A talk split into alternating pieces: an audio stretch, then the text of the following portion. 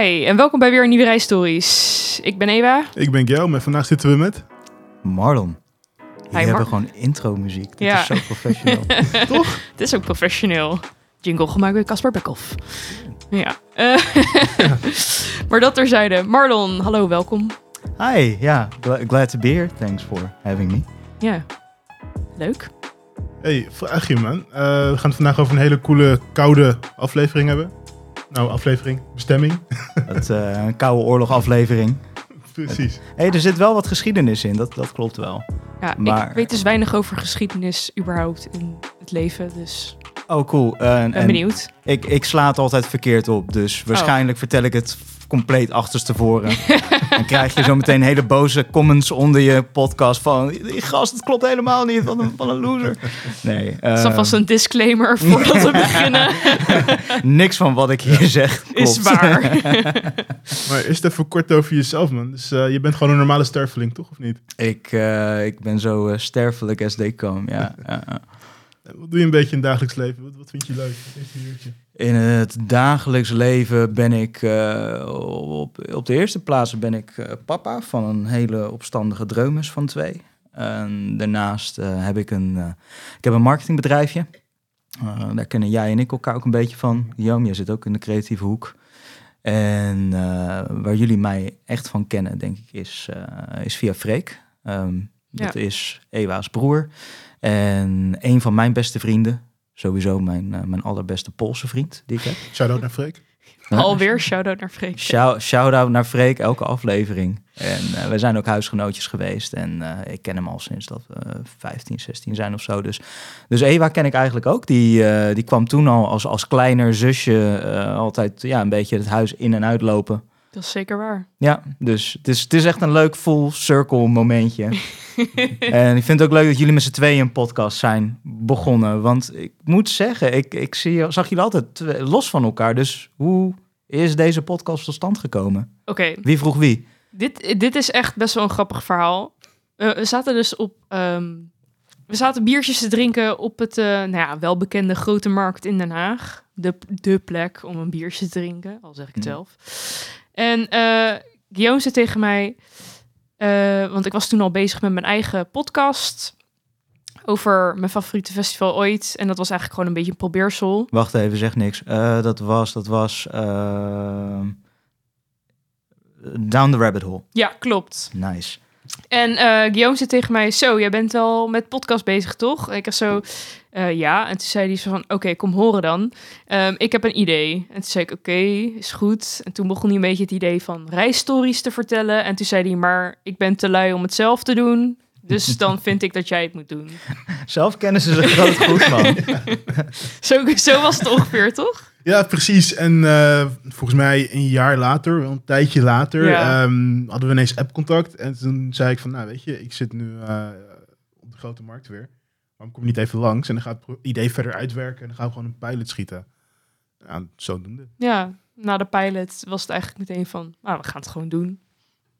En we zien wel waar het schip strandt. En eh, zo zijn we alweer bij aflevering, even spieken, acht. Acht? Ja? Ja. ja.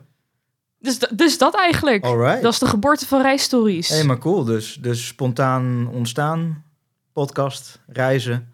En dan begin je een reispodcast. En het voelt alsof dit niet dus doorsnee podcast is waarin je vraagt van... En waar kan je lekker eten? En, Nee, dat is eigenlijk ook wel een beetje zo. We misten eigenlijk zelf een beetje een podcast, omdat we zelf daar graag ook naar luisteren. Hmm. Een podcast waar het een beetje meer low-key, relaxed was. En dat dat niet te, eh, te structureel of te gespeeld klinkt. Het moet wel echt gewoon je eigen story of verhaal blijven, zeg maar. Juist. Dus ja, vandaag gaan we gewoon luisteren naar hoe jouw verhaal is. En als jouw verhaal is van, eh, nou ja, ik heb alleen maar, eh, weet ik veel, kip met rijst gegeten in Rusland en dat was fantastisch. Dan is dat Ja. gewoon jouw verhaal.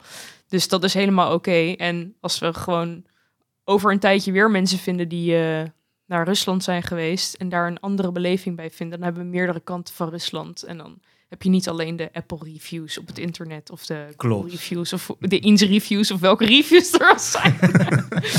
Eh, maar dan heb je gewoon een wat, wat inclusiever beeld. Hmm. En gewoon iets wat ook past bij de doelgroep reiziger.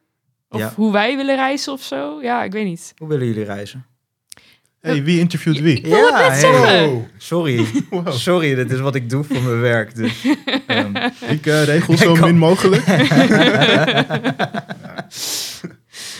Nee, maar dat is wel een goede vraag voor jou eigenlijk. Wat voor soort reiziger ben jij? wat voor soort reiziger ben ik? Ik ben ehm, eigenlijk de afgelopen tien jaar ben ik vooral een, eh, een hele passieve reiziger.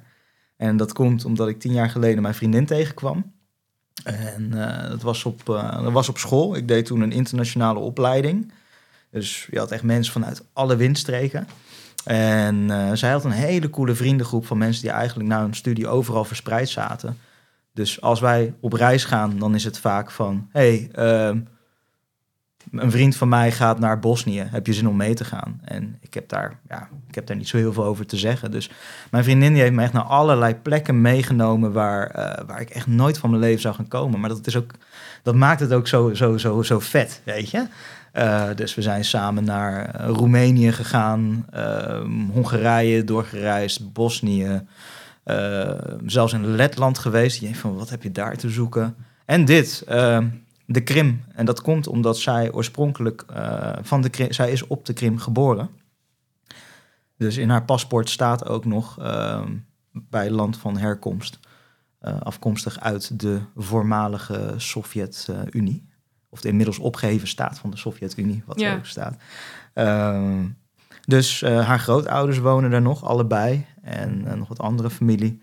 Dus eh, dit was voor mij een hele bijzondere reis, omdat ik ook een beetje erachter kwam van hè, waar kom jij nou echt, echt vandaan? Ja, Dus een beetje het back to the roots. En dat, eh, dat was spannend. Dat kan ik me wel goed voorstellen. En als je dan eh, zelf kijkt naar de reizen die je naast dit allemaal hebt ge- gemaakt, wat voor soort reizen zijn het dan vooral? Of vakanties, of, hoe je het ook wil noemen. Ehm, Oké, heel droog. Ik, ik, ik ben dol op stedentrips en roadtrips. We hebben heel veel roadtrips gedaan. Dus dat we ergens kwamen. Eh, Roemenië was zo'n zo'n voorbeeld. Dat een van onze beste vrienden... die eh, solliciteerde daar voor een eh, baan in het, bij het ministerie. Alleen dan moet je dan een soort van proefwerk afleggen. Die is één keer in de drie maanden. Je weet, er, is eigenlijk, er, er- zit geen, geen tijd of geen klok op. Dus het enige wat je weet is wanneer dan zo'n sollicitatie of zo'n vacature openkomt, dan moet je er gewoon zijn. Hij komt helemaal niet uit Roemenië, maar uit Spanje. Maar zijn grootouders die zaten daar op een boerderij in Roemenië. Dus hij is daar op een gegeven moment gewoon een jaar gaan zitten. En elke keer is hij zo'n tentamen gaan maken om maar een functie daar te krijgen. En elke keer zakte hij. Dus hij zat daar vast bij zijn grootouders. Zij waren toen toevallig bij een, eh, voor, voor een bruiloft in Hongarije. En die dude die zei van, joh, eh, kun je alsjeblieft langskomen? Want ik, ik verveel me hier kapot, weet je. Ik zit al een jaar bij mijn opa en oma. Ehm, dus toen hebben we de trein gepakt en echt gewoon een roadtrip gedaan met, met een stel locals. En echt het hele land doorgereisd. En dat hebben we wel vaker gedaan, ook in Bosnië. Eh, en voor mij zijn het vooral ja, hele passieve reizen. Want ik reis met een local en alles wordt een beetje voor mij uitgezocht. Wat ik ook heel, heel leuk vind. Maar daardoor is alles ook eh, heel nieuw en intimiderend. Want Oost-Europa en Rusland, ehm, dat is heel anders dan bijvoorbeeld Azië of Spanje. En ik ben, nee, je ziet me, ik heb een soort van zandkleurtje. Dus in de meeste landen kan ik wel door voor whatever daar rondloopt. Ik ben altijd zo'n zo'n zo'n type van, hè, kom je daar nou vandaan of niet? Miljoen. Oh, laat hem, ja, laat hem gewoon met. Let's go easy on the guy. En in dat soort landen ben ik, steek ik er gewoon echt bovenuit. Dus het, het voelt altijd heel awkward, maar dat is ook juist wel heel cool. Want dat, ja, het is, het is een beetje alsof je, alsof je ineens in je, in je, ja, ineens in je blootje staat, weet je. Je bent echt overgeleverd aan de genade van, eh, van, van het land en de mensen. En vaak is dat heel tof. Is dat, ehm, wa- wat is jouw meest bijzondere reis tot nu toe? Mm. Ehm, de reis waar ik over ga vertellen. Ja? Ja, de Krim, zonder twijfel. En voor een deel het land zelf, maar ook voor een heel groot gedeelte ehm, daar, daar komen en waar je allemaal doorheen gaat. Rusland is, en dit is trouwens eh, ja, een beetje een discutabel stukje Rusland, hè? De Krim, dat was eh, het, eiland, het schiereilandje waar eh, zoveel over te doen was geweest. Dat was geannexeerd door Rusland. Dus volgens een heel groot gedeelte van de wereld is het, hè, is het, is het Oekraïne. Het is Ja. van Oekraïne Ja. eigenlijk. Ehm, maar de, de- mede daarom was het daar komen zo, zo, zo, zo tergend ingewikkeld, maar ook grappig. En Rusland is ook echt zo'n land van. Je, je, je, kent, je kent de Russische memes en de Slavische memes, eh, de grapjes en en, en, de, en de plaatjes. En de, de filmpjes van lui die achter met- die een, weet je, dat je een auto voorbij ziet rijden met een beer in de, weet je, in de, in de bijrijdersstoel. En het ding van Rusland is, in 10 seconden kan je door iemand echt volledig ontwapend worden. En dat je denkt van, oh, al die vooroordelen, al die stereotypes, die zijn totaal niet waar. Dit is zo chill. En 10 seconden later gebeurt er iets zo randoms, wat al die memes en vooroordelen echt keihard bevestigt. Het is echt gewoon zwart-wit. Constant contrast. En eh, ja, het is wel, wel bizar. Echt een bizar land. Nou, ik, denk, ik denk dat we maar gewoon moeten beginnen. Ik ben nu te nieuwsgierig.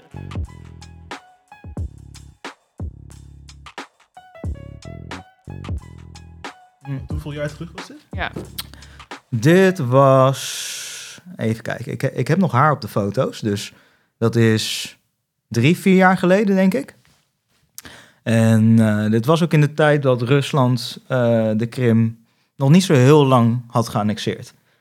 Dus, eh, dus, dus dat was best wel, ja, was best wel een apart ding. Als je de, de- op het moment dat Ju- Julia tegen me zei van... joh, we gaan naar de Krim, we gaan naar mijn grootouders... we kunnen daar blijven slapen.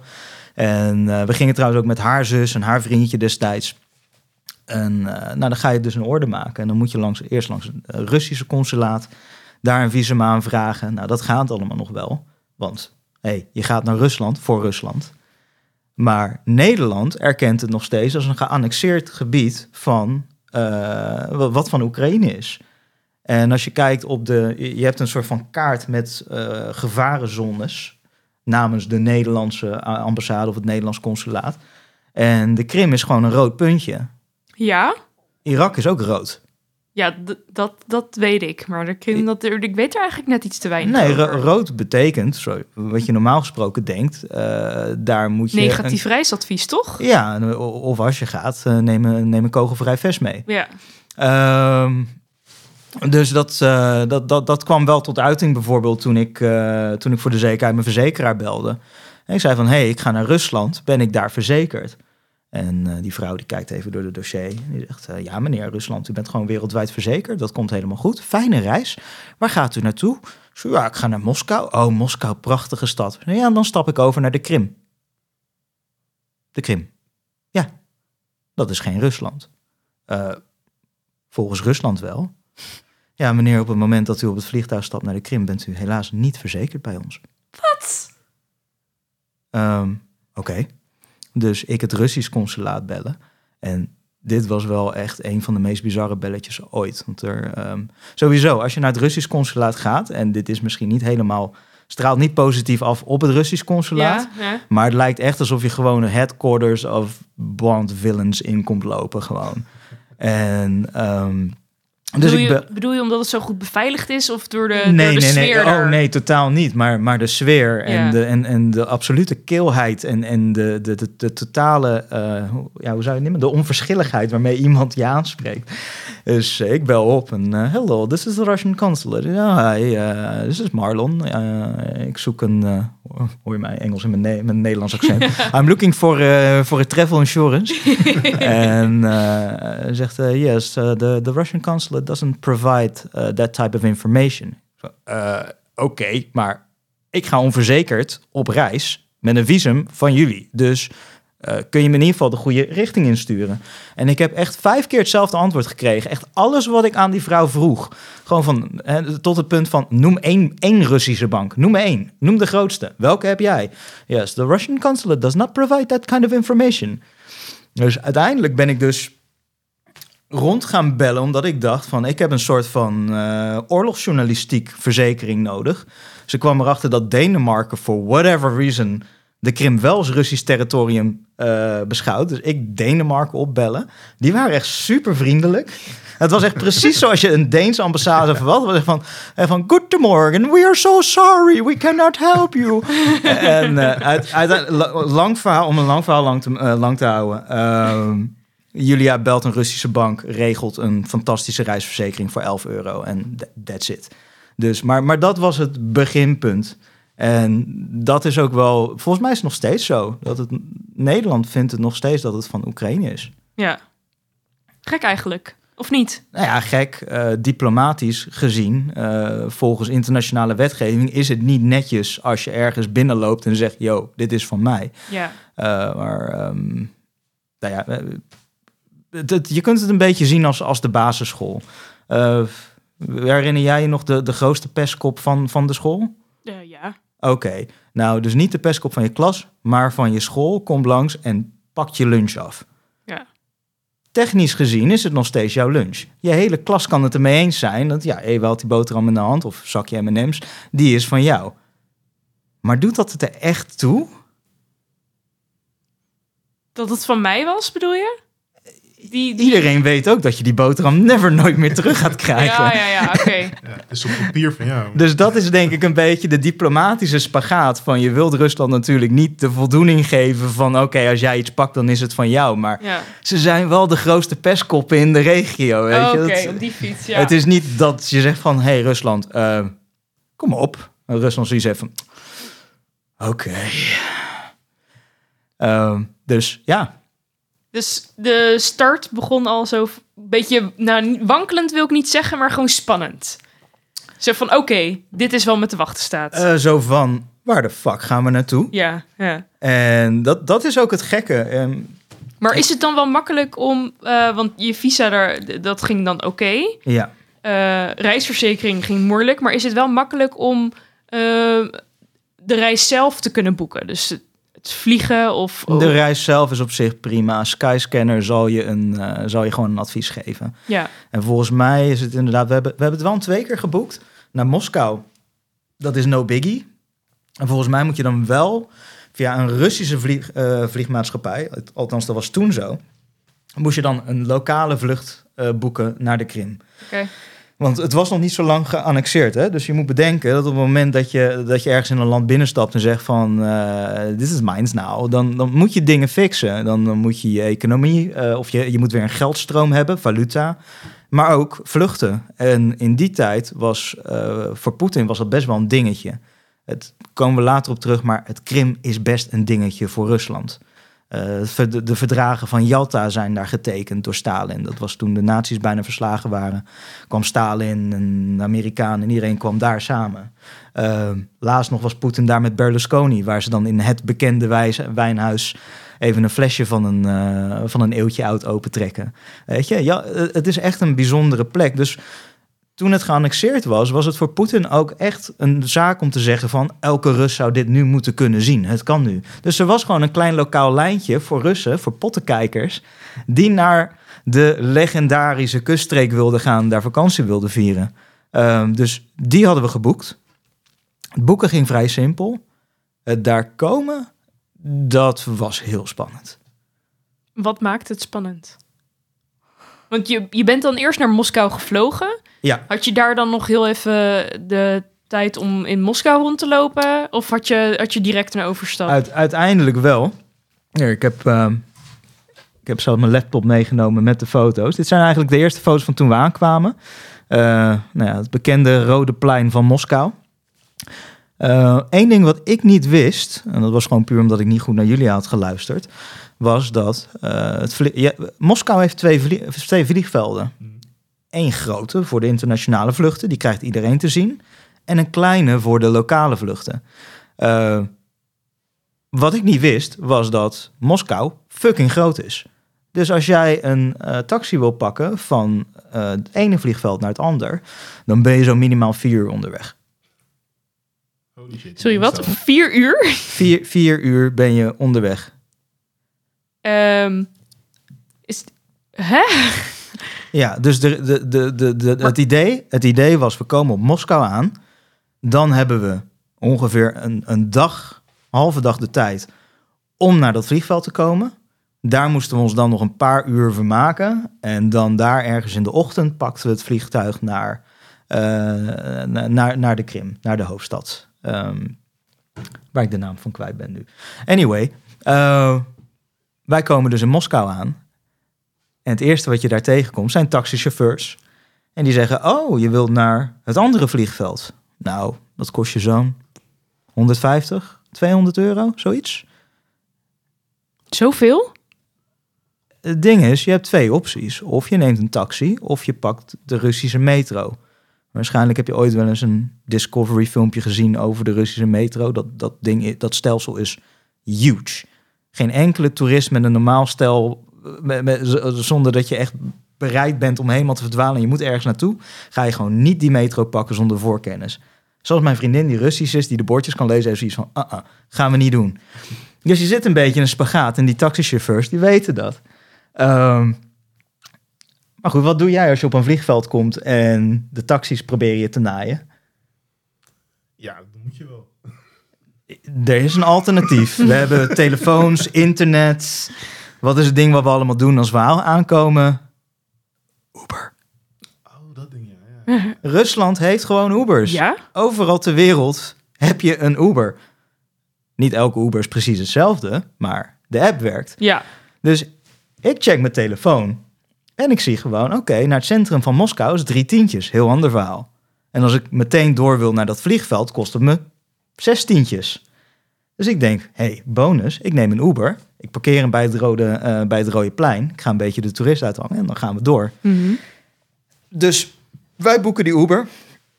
En dit is echt waar, waar Rusland echt Rusland begint te worden. Eh, een dude komt aan in een soort van een auto die op een... Het is iets nieuwer dan een Lada, maar niet veel. Echt zo'n zo'n Sovjet-auto. En eh, op dat moment ben ik echt helemaal in de handen van Julia. Ik spreek geen Russisch, geen woord. Ook al zijn we al tien jaar bij elkaar. Het zal mij vallen. Eh, maar wij stappen in. En eh Jul die zegt, oké, kom, we gaan eh, naar het Rode Plein. En die gozer begint te rijden. En die drukt zijn voet op dat gaspedaal. En echt vanaf dat moment tot aan dat Rode Plein is het gewoon GTA 5. het is echt full on gekke werk. Die dude rijdt gewoon 120 op een vluchtstrook vlak langs een file heen. Scheurt over de vluchtstrook viaducten op. Dus echt bochten. Begint op, een moment, op, momenten in te ritsen waarvan ik echt... Nou, ik, ik zat echt in die auto met mijn gordel om... en ik had echt symbolisch een kruisje geslagen. Zo van, whatever happens, happens. En op een gegeven moment komen we bij een tolpost aan. Wat ik ook niet wist, maar die wegen... Dat is één ding aan Rusland. Mhm. Die dingen zijn huge. Misschien heb je ze ook in Polen, van die vijf, zesbaans dingen, van die oude Ja. Sovjet-Unie dingen. Ja, jawel. En dat, dat, dat is bizar, want dat heb je gewoon nog nooit gezien. Dat je gewoon echt gewoon zo ver is dat je gewoon kijk snelweg hebt. Dus op een gegeven moment komen we bij zo'n tolpoort aan, met een slagboom. En eh, blijkbaar, Jules die zit met die gas voorin, ik zit achterin. En hij mompelt iets tegen Jules. Wat na het, na het feit wist ik, wat, wat hij zei was, was je van plan tol te betalen? En Julia die kijkt hem gewoon heel droog aan en zegt, nee. En hij zegt, oh, dat dacht ik al. En hij doet zijn raampje open. Hij rijdt tot aan zijn motorkap, totdat hij bij die, eh, bij die slagboom kan. Pakt die slagboom mee, wipt hem naar boven. Alle alarmen gaan af. En drukt het gaspedaal in. En ik zit echt vastgedrukt in mijn bank van... Wat gebeurt er? Wat gebeurt er? Wat gebeurt er? En dit, dit, dit ging gewoon zo door tot, tot aan het Rode Plein. En het gekke is, omdat die wegen zo groot zijn, weet je dus... Je denkt dat je op een snelweg zit. Dat je op een gegeven moment gewoon langs zo'n vijfbaans ding stopt. Hij zegt, eh, kijk daar. Zo, oh shit, Rode Plein. Ja, Rode Plein, uitstappen. Dus dat was, eh, dat was de al- allereerste kennismaking in Rusland. Ja. Ehm, dat was leuk, Rode Plein. Dan heb je nog een stukje toerisme. Zit je met de andere toeristen allemaal helemaal safe. Toen door naar het vliegveld. En dat kleine vliegveldje, dat was echt een, een, een heel ander verhaal. Ehm, ik heb nog nooit een vliegveld gezien waar je gewoon geen stoel had. Nergens. Rusland is een arm land. Dus Mhm. eh, zet je daar stoelen neer, dan gaan mensen eh, over elkaar heen slapen, als het ware. Dus je kon echt gewoon nergens, maar dan ook nergens je kont parkeren. Behalve op de grond. Eh, Laat ik het zo zeggen. De, de volgende stap zou zijn dat ze, dat ze, dat ze, eh, dat ze prikkeldraad hadden gespannen. Ja. Ehm, Dus, eh, en, en wij waren daar best wel vroeg. En het ding is dus, wat ik eerder al zei, is het, het bankaire systeem in de Krim is nog niet opgezet. Dus dat betekent dat eh, er maar een heel lokaal lijn, geldlijntje is. Dus er was een lokaal geldsysteem. Dus de locals konden wel geld opnemen en uitgeven. Maar ze waren helemaal niet ingespeeld op buitenlanders zoals ik. Dus je Mastercard werkt daar niet. Je pinpas werkt daar niet. Dus dat kleine vliegveldje is het laatste punt waar je uit een ATM al je cash voor de hele vakantie kan opnemen. Dat doe je in je tassen, wherever je het kwijt kan. En wanneer je daar bent, dan heb je dus gewoon geen access meer tot geld. Dus wees er gewoon voorzichtig op. Dus uh, wij komen op dat vliegveld aan. Ik begin met pinnen. Ik probeerde, ik kon volgens mij niet meer dan 200 euro pinnen. Maar oh. hoe ben je erachter gekomen dat dat het enigste moment was dat je je geld nog kon? Ja, Jules was wel zo slim om, dat, om daarachter te komen via, via familie. Ja, precies. Dus uh, waar we niet, wat we niet wisten, was dat er op die pinautomaat een soort van daglimiet zat. En wij waren nog gaan eten in Moskou, dus ik had al een keertje 100 euro opgenomen. En ik blijkbaar kon ik nog max 200 euro opnemen. En dat ging pas de volgende dag, zou ik weer 1000 euro kunnen opnemen of zo. Dus eigenlijk tot het moment dat we op de vlucht gingen, tot, ik denk echt een uur voordat we op die vlucht zaten, zat ik dus als een gek Russische pinautomaten te checken. En proberen mijn creditcard en mijn pinpas te, uh, te, uh, te maxen. Ja. Uh, maar goed, buiten, buitenlandse pinautomaten, die dingen, die kunnen gewoon echt KUT zijn. Die kunnen je pas inslikken of nou, je drukt maar op een Russisch knopje en dan komt er veel te weinig geld uit. Dus dat moet je echt tig keer herhalen. Maar goed, op een gegeven moment hadden we de cash. We hadden nog zeven uur te gaan op dat vliegveld en we konden nergens zitten of slapen of whatever. En ook echt alle, alle toeristen, alle, alle winkels daar gingen ook gewoon dicht op een gegeven moment. Dus zit je, het is een beetje alsof je in een leeg winkelcentrum zit. Mm. Uh, dus toen uiteindelijk, ik was, ik, was zo, ik was zo moe en zo pissed off. Dus toen gingen we maar in een bar zitten. Eigenlijk de, be de, de betere bar. En dat was wel het enige voordeel van Rusland. Het bier daar is lekker en je kon daar goed eten. En uh, een beetje te bedenken van, oké, hoe gaan we de tijd doden? En op een gegeven moment zie ik een kerel voor me. Die zit in een soort van loungebank.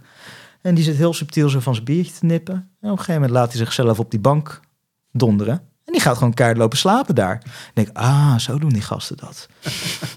dus we zijn gewoon door elk, elke paar, na gewoon een paar biertjes te hebben besteld, zijn we gewoon op dat bankje in slaap gevallen. En het was heel rustig. Dus ik had zoiets van, oh, gek, dat, uh, dat, dat die Russen dat zelf niet doorhebben of zo. Maar het bleek zo chill te zijn, omdat we in het beste tentje zaten. Dus op een gegeven moment, ik ga naar de wc rond vier uur s'nachts. En uh, ik loop voorbij wat een beetje een soort van Russische Kentucky Fried Chicken is. Ja. En daar liggen echt iets van 30 Rut Russen in een, klein, in een klein ruimtje over elkaar heen te knikkenbollen en te slapen. Dus daar, daar zat al het normale gepeupel. Um, dus, uh, nee, dus dat, dat vliegveld was ook bijzonder. Ik denk op een gegeven moment, toen we op die vlucht zaten, toen was ik al helemaal gesloopt. En tot dat moment was het echt alleen maar gekke werk. Hoe lang is het vliegen? Um, Vanaf Moskou? Valt wel, valt wel mee. Ik denk dat je nog zo'n twee, drie uurtjes. Nou, dat valt inderdaad nog wel mee. Uh, dus je doet een klein dutje en je bent er. Ja. En uh, voor mij was het chill. Ik kon slapen. Jill kon niet slapen, want uh, die maakte de cruciale fout om naast een Russisch omaatje, een echte babushka, een praatje aan te knopen. Dus oh. Dus ik was, aan, ik was aan het slapen en die vrouw die was Julia foto's van de, van de kleindochters en de, en de kleindochters kleindochters aan het laten zien. Dus dat is wel het gekke van Russen. Dat als je dus iets in het Russisch tegen een, een babushka of een omaatje zegt, tot het moment dat je dat doet, denk je echt dat het het meest koude volk ooit is. Die mensen hebben ook echt een soort van bevroren gezichten. Maar wanneer je ook maar over familie of wat dan ook hebt, oh my god, je komt niet meer van ze af. Mm. Dus uh, nou, die vliegrit gehad kwamen we op het vliegveld van de Krim aan. Wat uh, eigenlijk een soort van aankomsthal is. En uh, je stapt door een poort en dan ben je al buiten. Uh, dan heb je een soort van standplaats van kleine taxibusjes. En wij wisten, we moeten één normale stadsbus hebben naar, naar, naar Jalta, naar de kustplek toe. maar goed, waar zit die bus? Ik dacht, je hebt één busstation en nu heb je een soort van parkeerplaats met twintig kleine busjes. What the fuck? Uh, en al die gasten komen op ons afgestapt. hey, waar moet je naartoe? Ik denk, uh, Jalta. Op een gegeven moment komt er een, de grootste die komt voorbij en zegt, hey, you need the bus? Zeg, ja, oké, come with me. En die zet ons in de bus, die doet de tassen erin. En hij zegt, eh, wait here, we leave soon. En na een half uur zitten wij nog steeds een beetje zo in dat busje van, eh, oké. Eh, ik denk niet dat dit de stadsbus is. Dus toen maar weer een beetje heel sneaky de bagage weer uit het busje gehaald. En inderdaad, voorbij al die busjes was, was, was de grote stadsbus. Dus op dat moment begon het normaal te worden. Dat wij echt al zoiets hadden van... Yes, we hoeven alleen maar die bus te pakken. En dan, hè, dan komt alles vanzelf goed. Hmm. So we thought. Dus die bus die gaat door een heel bergpad, haarspelbochten. Dus sowieso die hele rit zit je ook uit het raam te kijken... en weer dat symbolische eh, kruisje te slaan van... oh god, wanneer houdt het keer op?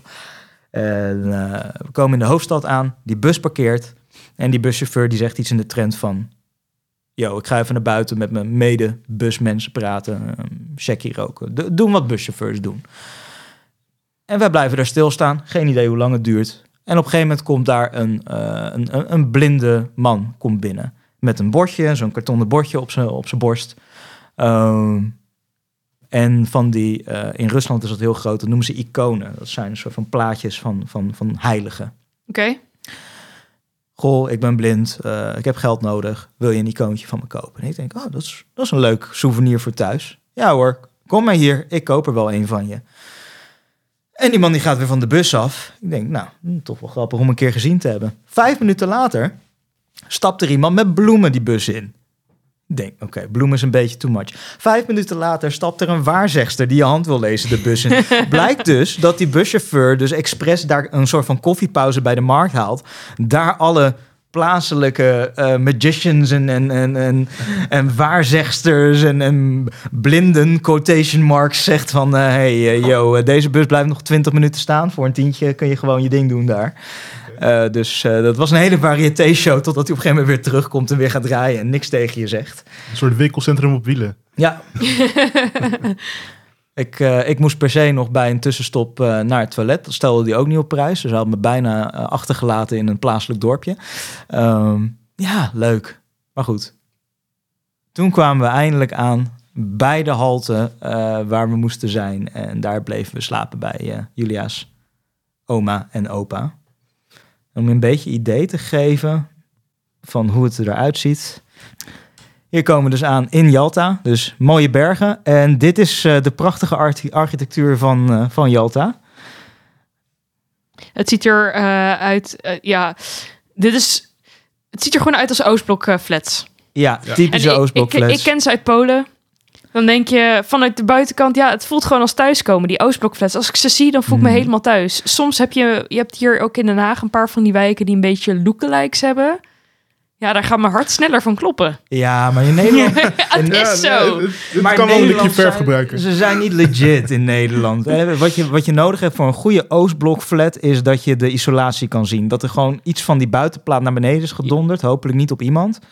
En dat je zo een beetje al door dat gebouw heen kan kijken. Ja, en dat de kleuren zijn vaal en keel en Juist. Een, eh, f- eh, ja, een, een, een variatie van beige en grijs en gebroken wit. En ja, een beetje dat eigenlijk. Mhm. Ja, Voor de nieuwsgierige luisteraar, we posten dit wel op Instagram. Dus Ja. eh, dat komt goed. Oh, serieus? Ja, dat heb ik nu Ja, even of- besloten. Ik wist dat ik gewoon dat jouw, mijn- jouw privéfoto's... Ik weet, dat- ja, daar heb nee, je- nee, daar- eh, de- oké, maar je hebt cool. getekend toch, of niet? Je hebt toch een contract getekend bij binnenkomst? Mhm. Wil, je Marlon, wil je Marlons vriendinnen naar onderbroek zien? Subscribe nu op Rijstories. Nee, dat is de Patreon. Lekker, lekker ben jij. De paid subscriptions. Nee, de dus OnlyFans. Ah, Nee, typisch Oostblokflatje met een patio. By the way, eh, koud verhaal. Eh, niet. Eh, op de Krim is het echt ontzettend warm. Hier was het gewoon meer dan 30 graden. Dit er heel hartstikke armoedig uit. Maar van binnen, die mensen hebben die flat al gewoon hun hele leven. Dus het is gewoon één groot museum aan memorabilia, retro dingen. Zo'n oude rode telefoon. eh pff, hertige weien aan de muur. Oud retro 3D wallpaper. Het is echt fantastisch. wow. Ja, gewoon random adelaar. Met fo hey, fotobehang. Foto Dit- van.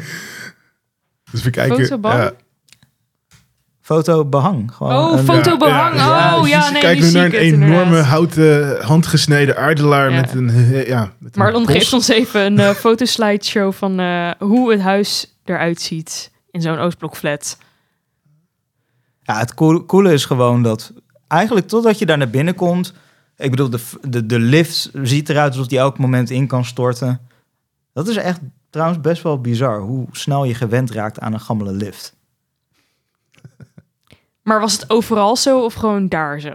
Eh, In, in, ik kan me voorstellen dat in elke flat dat er wel zo'n lift is. Maar de eerste... Maar wordt die dan ook gebruikt? Oh ja, oh zeker. Is het dat zo'n eh, ehm, eh, lift waarbij je dan eerst een eh, deur zelf open doet, er dan Yes. in staat, dan die deur rek, zelf dicht moet doen? Zo'n ja. horizontaal rek. Oh ja, ja, ja. Die moet je eerst. En als die niet goed klikt, dan gaat die lift ook niet. Dus dat moet je even weten. En ook zo'n... Het is ook zo'n zo'n zo'n mooi stuk oud stukje techniek. Hè? Dus nu als je een, een, een liftknopje indrukt, dan gaat eerst de deur. En dan gaat hij heel langzaam naar beneden. Dit ding is gewoon, je drukt op een knop. En het, het moment tussen die knop en dat die lift naar beneden schiet, is gewoon dit. Weet Ja. je? Maar, wor- maar heb je hem zelf ook veel gebruikt of heb je dan liever de trap gepakt? Eh, ik heb wel een paar. Jawel, ik heb wel veel de trap gepakt, maar ook veel de lift. Ik, het viel me eigenlijk op dat de eerste keer denk je echt van: oh lord, we, dit- we're gonna die. En, en, Ja, ehm, het is echt wel zo'n lift. Dus als er staat niet meer dan vier mensen, dan respecteer dat ook. Niet Als je- meer dan vier mensen. Oké. Als je er, laat ik het zo zeggen, als, als je daar met twee mensen in zit en de, de andere persoon eh, is wat eh, zwaarlijvig, dan, ehm, ja, dan krijg je al redelijk wat bedenkingen over je testament. Ja. Ehm, maar goed, na, na zes keer dan druk je gewoon op die knop en denk je nergens meer aan. Dat, dat Ja. verbaasde me eigenlijk wel. Maar bij eh, aankomst, hè? Want was dat ook de eerste keer dat je de familie zag van Julia daar zo? Was het de eerste ontmoeting? Ja, eigenlijk wel. En vond je dat je meteen ook... eh, hoe, hoe, hoe was... eh, want families zijn sowieso... Iedereen heeft wel een beetje een soort van familiecultuur. De ene is hartelijk, de andere... Ik denk ook wel dat het deels is van waar je bent opgegroeid. Mhm. Hoe was dat voor jou eh, om daar binnen te komen als iemand die niet Russisch spreekt? Ehm, Nou, ja, hoe was dat? het is een beetje de vloek en de zegen. Ik, ik heb dus al, ik, ik heb schoonfamilie die doorgaans bijna alleen Russisch spreekt. Mhm. En eh, het nadeel is dat, weet je, we, we kunnen niet echt de diepte in met elkaar. Het voordeel daarvan is, eh, ik ben absoluut geen onderdeel van alle familiegeschiedenis en perikelen die er zijn. Ik ben eigenlijk een beetje de, de, de domme aangetrouwde eh, Indo, die totaal out of place is. En vooral oma's die mogen me wel, want ik eet gewoon en ik waardeer het. En ik kan alleen maar dingen zeggen als, eh, hmm, lekker. Dus, weet je, De belangrijkste woorden Ja. die je moet leren. dus ik heb het altijd wel. Ik, ik krijg eigenlijk altijd via mijn vriendin pas te horen wanneer iets niet in de haak is of zo. Ja. Ehm, wat ik begreep van haar grootouders is dat het, eh, het zijn hele, war, hele hartelijke mensen. Hè? Want Russen zijn heel principieel op gasvrijheid. Dus als je bij hen te gast bent, hoe arm ze ook zijn, ontbreekt je niks. Dat hadden we ook. We kregen elke dag, nou, als je thuis kwam, dan was er, er was taart. Er was een eh, mega salade gemaakt, soep. Je, je wist gewoon van, zo eet jij niet elke dag. Dit is, dit is echt bedoeld om ons te laten zien van... yo, wij zijn niet arm en eh, we kunnen voor jullie zorgen. ja. Eh, maar tegelijkertijd eh, zie je ook wel dat het een, een cultuur is met, eh, in, binnen familie met bijvoorbeeld favorieten eh, Ja. en dat soort dingen. Dus ik, ik pakte wel wat op van de dynamiek, maar ja, ik, ik ben vooral dan de, een beetje de, de, de, domme, de domme buitenlander. Wat ik ook altijd doe is, ik, ik lach veel naar mensen als ik, als ik ze wil herkennen. En dat Mm. is wel iets wat je in Rusland nooit doet. Als je naar een Rus lacht, dan denkt hij of dat je hem belachelijk maakt. Dus eh, jij zou dan, als jij een Rus was, dan zou je denken van, huh, zit er wat op mijn trui of zo? Waarom lach je naar me? Ja, ben ik Eh, je clown of zo? Ja, inderdaad, dat. Of, eh, of ze denken dat je een beetje eh, zwak begaafd bent. Wow. Oké, Hoe, hoe ben je hier achter gekomen? Dat, dat, is, dat, dat is gewoon redelijk, eh, een redelijk common knowledge bij Russen. Oké. Dus, en, maar aan de andere kant is dat ook wel weer voordelig. Want ik was op zo'n plek ehm, waar ze bijna geen westers toerisme hebben... en dus ook totaal niet op je zijn ingespeeld... zou je denken van die gasten, die kijken je overal na. En dat doen ze dus ook niet. Dus Russen hebben... eh, Je, je moet er een beetje het voordeel van zien. Zij denken van wij willen... eh, Wij, wij zouden het heel vervelend vinden als, jij je onge, als wij je ongemakkelijk laten voelen... Dus we gaan expres niet te veel naar je kijken of lachen of met je interactie hebben. Je bent gewoon één van ons. Je bent gewoon lekker anoniem. Ja, En Russen respecteren dat wel. ja. Eh, tegelijkertijd, als je eenmaal in een cirkel zit, dan kom je ook niet meer vanzelf. Is iets positiefs of... eh, Ja, het grappige is, ik heb dat ooit eens gehad met jouw ma. Ja? Ja, ik weet nog wel toen ik net Freek leerde kennen. En eh Freek die was al heel snel van, joh, kom even thuis oppikken, kom over de vloer. En jouw ma die kwam, die kwam thuis. En ik weet niet eens of zij dat nog herinnert, maar ze zette daar boodschappen neer. En ik, weer met mijn stomme lach, hallo mevrouw, ik ben Marlon. En ze keek me echt even zo van boven naar beneden aan. En volgens mij heeft ze in mijn beleving echt geen woord tegen me gesproken. Eh, totdat eh Freek was mijn huisgenoot. We moesten op een gegeven moment moesten we het huis uit, want we waren als studenten heel slecht in, in, in schoonmaken en huur betalen. Eh, dus die huurbaas die had al heel snel van, oké, jullie gaan hier nu uit. Dit is niet te doen. Mhm.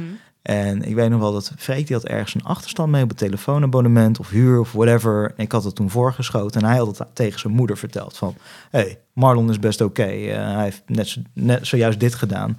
En vanaf dat moment had ik echt een soort van 180 bij je ma gemaakt. En eigenlijk tot op de dag van vandaag is het een van de meest warme en vriendelijke vrouwen die moeders die ik ken. Maar dat is wel een beetje... ehm, in ieder geval, dat is wel hoe bij mijn familie of bij mijn moeder ook al werkt of zo. Van in het begin, eh, of bij Polen überhaupt... Van de buitenkant denk je dat ze boos zijn of zo.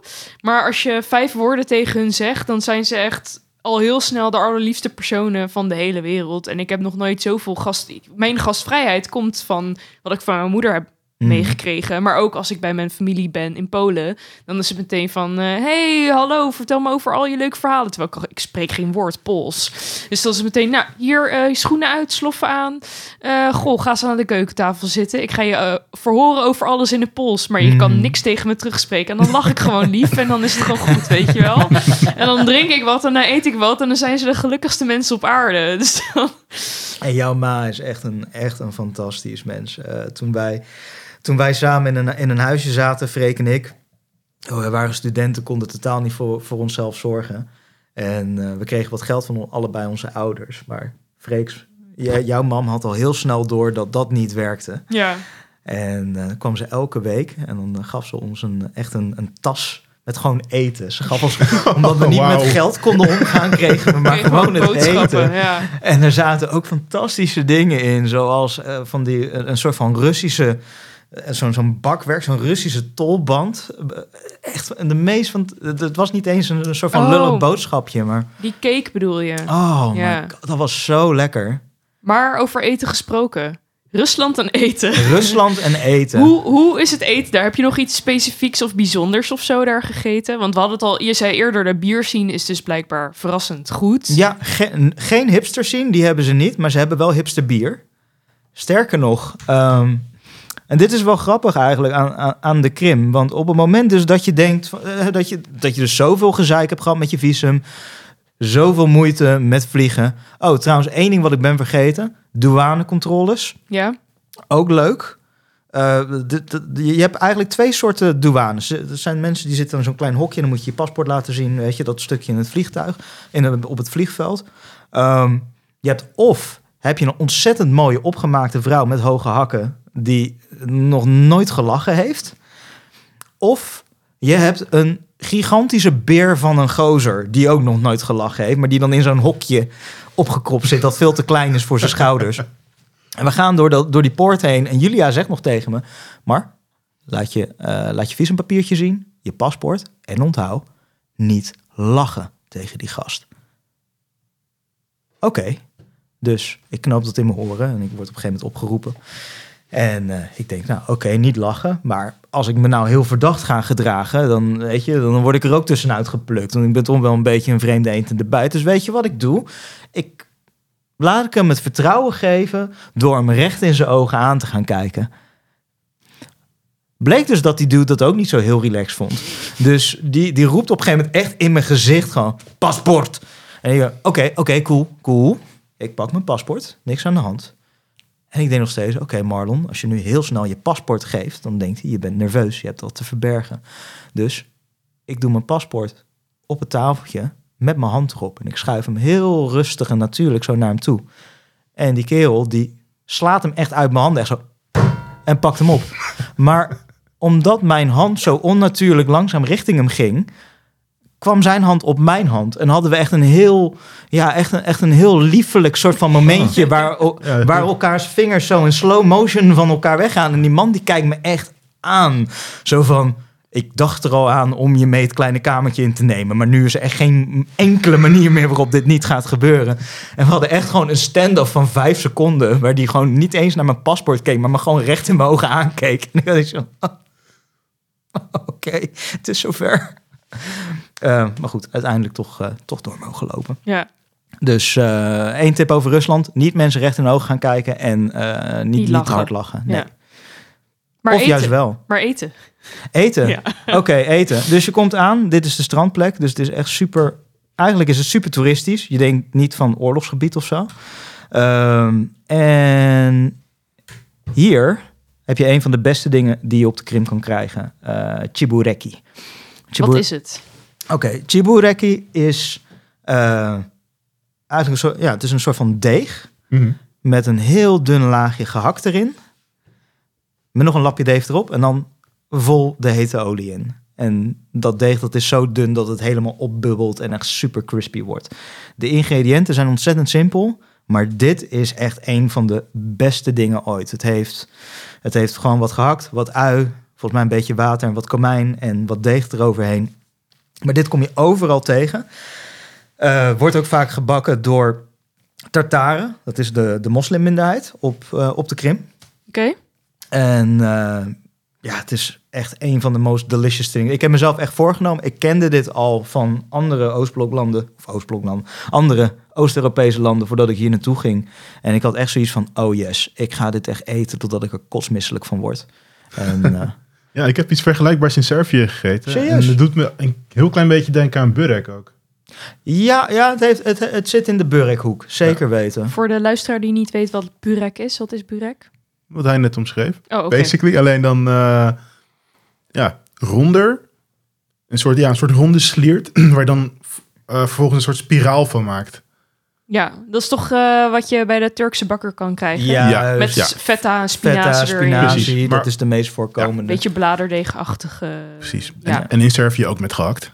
Dus, eh, Maar dit is een van die dingen die je in Rusland veel gaat tegenkomen. Vooral gefrituurd of gebakken deeg met wat vlees erin. Ehm, niet de beste plek om naartoe te gaan als je vegan bent. Vegetarisch zou je nog wel enigszins kunnen overleven. Eh, dat heb je vaak een beetje in dat soort plekken. Een leven zonder vlees kunnen ze niet echt voorstellen. Maar dat is eh, een van de dingen. Verder, ja, Russisch eten. Zijn jullie een beetje bekend met... ja, een beetje, maar niet echt... Ik, eh, ik, eet, ik, ja, ik eet het al een eeuwigheid, dus voor mij is het heel natuurlijk. Maar dingen die je moet weten over de Russische keuken. ehm, mayonaise, crème fraîche. Dus alles is smeuig en heeft vaak ook... Als je zegt, ik bestel een salade, dan krijg je iets met een halve pot mayonaise erin. mhm. Ehm, en nou ja, veel deeg, veel taart. eh, Veel aardappel ook? ook, ja, heel veel, een beetje van die Hollandse dingen. Dus eh, veel met wortel, rode biet, borsch, deel. Dus eigenlijk ook heel veel dingen die kunnen groeien in heel koud klimaat. hè. Ja. Het, eh, Rusland is nou niet bepaald een plek waarvan je denkt van... goh, daar ga ik lekker exotisch fruit telen of zo. Dus het is, heel, het is een hele basic keuken, maar mensen zijn wel heel verfijnd. Alles wordt in laagjes opgebouwd en, en heel verfijnd en vernuftig. En alles heeft deel of een vleugje caviar, weet je. Dat, dat is dan wel weer het gekke, dat ze hebben caviar. Ja. Uh, dus uh, de keuken is heel verfijnd met hele minimalistische middelen. Maar goed, chibureki, als je het ooit eens te pakken krijgt, je kan het dus met vlees hebben of met kaas, is fantastisch. En wat je dan doet is, uh, je gaat naar de Zwarte Zee, want Jalta ligt aan de Zwarte Zee. Dus uh, je gaat gewoon een beetje chillen op een, uh, op een kiezelstrand. Niet, het, niet zo chill als een zandstrand. En je gaat uh, van de plaatselijke stijgers een beetje afduiken. Hier zie je de, het vriendje van mijn zus die, die hier flink pijn aan het lijden is om over vlijmscherpe kiezels weer, weer op het strand te komen. Ja, hoe, hoe is de omgeving daar? Want je hebt nu allemaal, jullie laten nu foto's zien van de, van de zeeën, van de kiezelstranden. Maar hoe is de omgeving in waar jij zat? Uh, kustplek. Dus Jalta is eigenlijk de plek waar Russen komen om te chillen. In Sovjet-tijd was het een, was het een hers, dat noemen ze een hersteloord, een badplaats. Mm -hmm. Dus mensen, je, je werd uitgeperst door het uh, Sovjet-systeem, maar eens in de zoveel tijd werd je op kosten van de staat werd je naar de kust geplaatst. Dus uh, je moet het een beetje zien als een soort van Russisch Scheveningen. Iedereen zit te bakken op het strand. En dat maar is, is er dan zonnig? In, welke, wacht, in welk seizoen ben het geweest? Het is bloedje heet daar. Uh, ik ben daar in het, ja, toch wel zomerseizoen geweest. Mm. Het, is, het is echt knetterheet. Je moet je echt bedenken, als je daar tien minuten op die kiezels gaat liggen, dan, dan kom je echt zo rood als een kreeft, kom je er weer uit. Ja. Dus uh, sowieso, mijn Russische familie was zo gek om dan te gaan zonnebaden. Russen zijn dol op zonne. Uh, dat is ook een heel bizar ding wat je nergens anders ziet. Maar Russen hebben een bijzondere manier van zonnen. Want die vinden het heel erg als hun oksels niet ook bruin zijn. Dus je ziet allemaal mensen die op het strand staan en dan met een armen helemaal boven hun hoofd staan. En op die manier gewoon een kwartier lang blijven staan. Zolang, hè, zolang ook maar de onderkant van je armen uh, ja. bruin wordt. Uh, dus ja, heet. De, de zee is weer ijskoud. De Dode Zee, dus heel veel zout. Dus je kunt daar gewoon op je rug blijven drijven. Je merkt dat uh, die zee vanzelf al een beetje hoog houdt. En uh, ja, wat, wat ik dan deed is, ik ging niet op die kiezels liggen, maar je hebt dan een soort van strandtentjes. En één ding waar ze daar allemaal fan van zijn, is uh, strandplekken met waterpijpen. Oh. Ja, waterpijp is daar echt een, een dingetje. Dus je gaat er zitten, je bestelt een biertje en je bestelt een waterpijp. Die wordt voor je geïnstalleerd. En het grappigste wat ik daar heb meegemaakt is dat je dus ook je waterpijpjongen krijgt per vijf tafels. Per vijf tafels loopt daar een, een, een, een, een jongen rond. En ik weet niet of je dun wordt van waterpijp roken, maar die dudes zien er ook echt uit alsof ze alleen maar waterpijp roken en vergeten te eten. Mm -hmm. uh, maar jij rookt dus totdat je kolkjes bijna op zijn. En dan roep je de Kalianchi. Kalian is, uh, is waterpijp, chi is dude. Dus Kalianchi.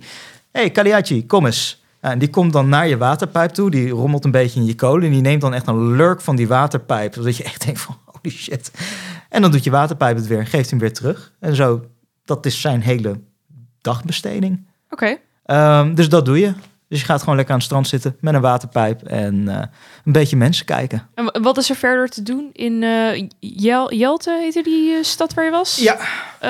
wat is er verder te doen behalve bij het strand aan een waterpijp lurken? Um, Zijn er nog ac leuke activiteiten? Of nou, wat, wat moet ik me voorstellen bij wat je daar kan doen? Uh, goeie. je, hebt, nou ja, je hebt sowieso de bergen. Dus je kan daar heel goed hiken. Um, dus dit zie je ook. Je hebt ook, water, je hebt ook hele gave watervallen daar. Dit was een wat mindere waterval. Wij wilden naar de grote waterval, maar daar werden we de toegang tot ontzet. Zegt, omdat, er, uh, omdat de bergen instabiel waren. Dus af en toe kwam een rotsblok naar beneden vallen. En verder ontzettend veel groen. Uh, veel, je kan er ontzettend goed wandelen. Je komt er ook allemaal bordjes tegen waar een beer op staat.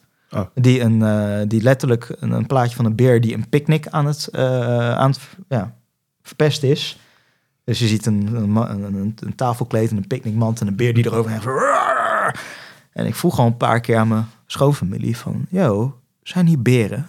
En het antwoord was altijd... Nee, volgens mij gaat dit bord erover dat je dingen... dat je je afval na je picknick moet uh, weggooien. Anders wordt de beer verdrietig. En van, ja, maar waarom zou de beer verdrietig worden als die er niet is? dus dat antwoord heb ik niet. Maar ik ben sindsdien loop ik echt nooit meer een bos in. als ik aan iemand vraag: hey, zit hier een beer? En iemand zegt van. Hoezo? Dan is dat voor mij al genoeg reden om er niet naartoe te gaan. Ja. Maar wandelen kan je er doen. En strand zitten. De, de Jalta is een beetje toeristisch en rijk. Dus je kan er over de promenade kan je er struinen. Uh, je hebt de straatmuzikanten. Je, uh, wat, het leuk, wat ik het leukste vond was uh, Russische maffia spotten. Mm -hmm. Wat totaal niet moeilijk is. Uh, dat is uh, wat je dan moet zoeken, is een, uh, een, heel, een heel dun, dun meisje in een heel spannend bikinietje. Met daarnaast een ontzettend brede, vooral dikke gozer, vol getatoeëerd. Met gouden kettingen in zijn speedo. Echt een, een beeld wat, wat je nergens anders zult tegenkomen. Maar je weet wel dat je niet te lang naar dat meisje moet kijken. anders, anders, anders heb je die problemen. Ja, ja, ja. Ja, vooral niet glimlachen.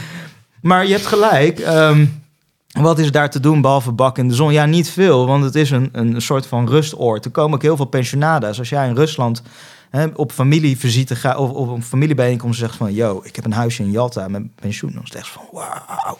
Weet je, dan heb je het gemaakt. Dus na een paar dagen hebben we gewoon een auto gehuurd en zijn we gaan rondrijden. En daar werd het veel interessanter. En waar rij je dan naartoe? Eh, Want dan, want dan ga je met z'n tweeën ben je dan op stap geweest? Of heb je nog wat familie? Of, of met z'n vieren? Want je was er met zusje van. toch? Juist, met z'n met Ja. vieren. Dus eh, ge- gelukkig eh, was dat koppel ook wel op een gegeven moment een beetje het, het, het bakken zat. Mhm.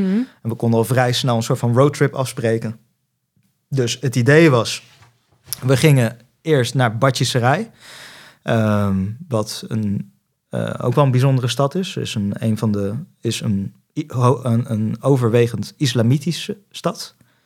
En er zit ook een wetenschapdorp waar eh, Julia, mijn vriendin, is geboren. Daar woont nu haar andere oma en opa. Of andere oma en de partner van de oma. Daar was een beetje mee gebrouilleerd, maar het was een zoiets van... Kom, laten we er naartoe gaan, ze zijn al oud. Dus dat was de eerste stop. Daarna eh, zouden we van daaruit nog naar een andere stad gaan... en eh, richting de grotten, die ik je zo meteen laat zien. Dus je hebt echt wel een heel divers landschap aan... eh weidelandschap, bergen, ehm, grotten. Je, het is echt een perfecte plek als je van hiken houdt en van natuur. En vooral uitzichten. Je komt daar echt een soort van Grand Canyon-achtige uitzichten tegen. Oké.